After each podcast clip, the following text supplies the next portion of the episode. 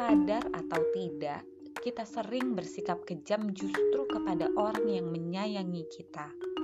Mungkin karena kita tahu orang itu sayang pada kita, maka kita merasa bebas dan leluasa untuk menjadi diri sendiri dan bahkan bersikap kejam. Dengan alasan kalau orang itu sayang, maka orang itu pasti akan mengerti dan menerima segala kekurangan dan kelebihan kita.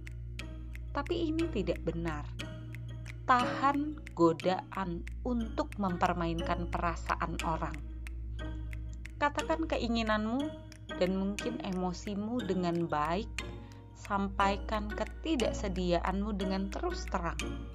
Sampaikan maaf kalau menyakitkan dan tidak perlu membuat alasan palsu untuk membenarkan diri. Katakan saja ya atau tidak itu sudah cukup.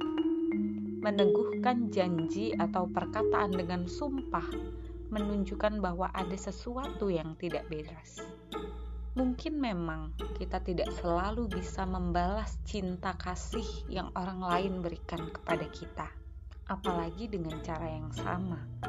Tapi kita bisa memilih untuk berterus terang. Tolak godaan untuk mempermainkan perasaan orang.